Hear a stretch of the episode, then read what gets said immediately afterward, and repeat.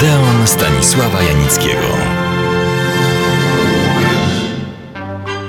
Kontynuuję dziś opowieść o swojej przygodzie filmowej. Po maturze, zdanej z wyróżnieniem, chwalę się z bardzo konkretnego powodu. To była matura w liceum handlowym Państwowego Zakładu Kształcenia Administracyjno-Handlowego w Bielsku, wtedy jeszcze bez białej. Cud boski, że pamiętam jeszcze pełną, prawidłową nazwę tej szkoły. A studia zacząłem i skończyłem na Wydziale Dziennikarskim Uniwersytetu Warszawskiego, powiem zaraz, na specjalizacji filmowej. Już w czasie studiów, lata 1951-55, pracowałem bo trzeba było jakoś rozwiązać pewną kwadraturę koła. Można było wtedy dostać meldunek w stolicy, pod warunkiem jednak, że się miało stałą pracę. I odwrotnie. Udało mi się tę kwadraturę koła rozwiązać, ale o tym opowiem na specjalne życzenie. W życzliwej mi redakcji dziennika Żołnierz Wolności zacząłem pisać recenzje filmowe. Trzeba było mieć tupę. Pierwsza nosiła odpowiadający tamtym czasom tytuł Czas walki, czas miłości. Młodszemu pokoleniu muszę podpowiedzieć, że chodziło oczywiście o dwa filmy, notabene świetnie przez młodego Jerzego Kawalerowicza zrobione.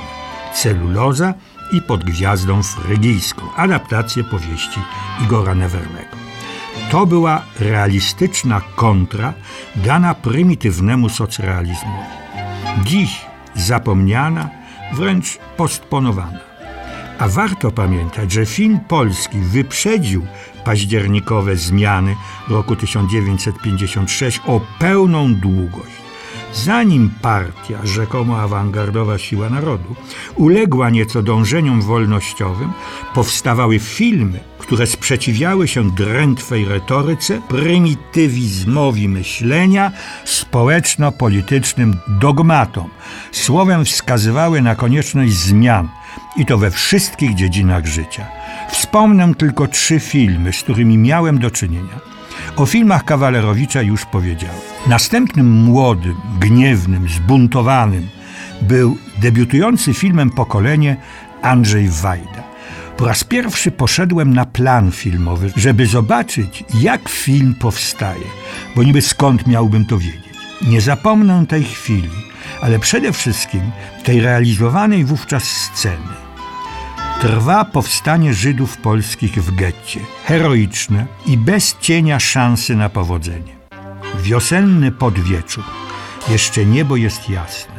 Jesteśmy przy murze getta, zanim na tle tego jasnego nieba unoszą się kłęby czarnego dymu. Słychać strzały, wybuchy pocisków, to czołgi, karabiny maszynowe, płacz dzieci, przeraźliwe matek, wrzaski rozkazów hitlerowskich, krzyki rannych, jęki umierających.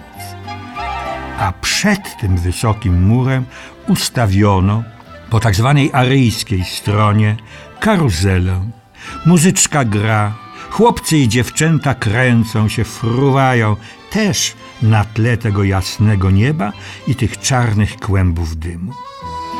Po dziś dzień nie mogę zapomnieć tej chwili. Refleksje przyszły później, że takie jest życie, pełne kontrastów, ale zrozumiałem też, już na szczęście wtedy, że sztuka, w tym film, ma ogromną siłę, moc oddziaływania i że uprawianie jej wymaga nie tylko fachowej zręczności, ale także, a może przede wszystkim, odwagi myślenia, wrażliwości na los drugiego człowieka, niezależnie od tego, kim on by nie był, oraz posługiwania się własnymi środkami formalnymi. To była dla mnie dobra nauczka. Wszystko to kołatało się i w innych polskich filmach, i w mojej głowie, zanim nastąpiły oficjalne zmiany. I były one dziełem nie tylko młodych twórców filmowych, ale także nestorów, często z takich czy innych powodów odsądzanych od czci i wiary.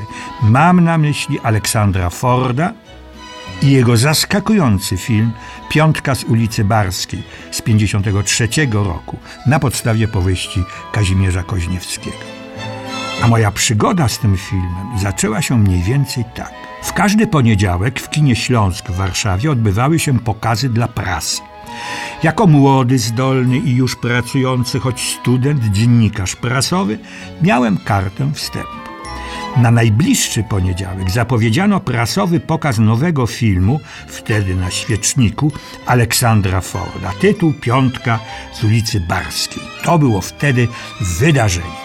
Ford nie był od produkcji serialowej. Tak się jednak fatalnie złożyło, że w poprzedzającą sobotę odbywał się ślub mojego brata. W niedzielę weselisko, ale niestety wszystko w Rzeszowie. Jazda nocnym pociągiem trwała z Warszawy wiele, wiele godzin. Ślub jak ślub, ale wesele było huczne i choć czasy biedne, stoły uginały się pod jadłami i napojami. Nazajutrz zapamiętałem tylko fantastyczny barszcz ze śmieciami, czyli łagodny, kojący barszczyk ze skrawkami szynki, kiełbas i wędlin wszelakich, które na stołach występowały oficjalnie w strojach wyjściowych. Gorzej było z powrotem, znowu pociągiem nocnym, żeby zdążyć na pokaz piątki z ulicy Barskiej. Koszmar! Kto to kiedyś przeżył, wie o czym mówi. Dojeżdżając do stolicy, ledwo żywy, pomyślałem, co za trzeźwość umysłu. Jeśli ja nie zasnę w czasie projekcji, będzie to oznaczało, że to bardzo dobry film. Nie zasnąłem. Za tydzień wracam do tradycyjnego Odeonu, ale po pewnym czasie znów do opowieści o swoim filmowym życiu.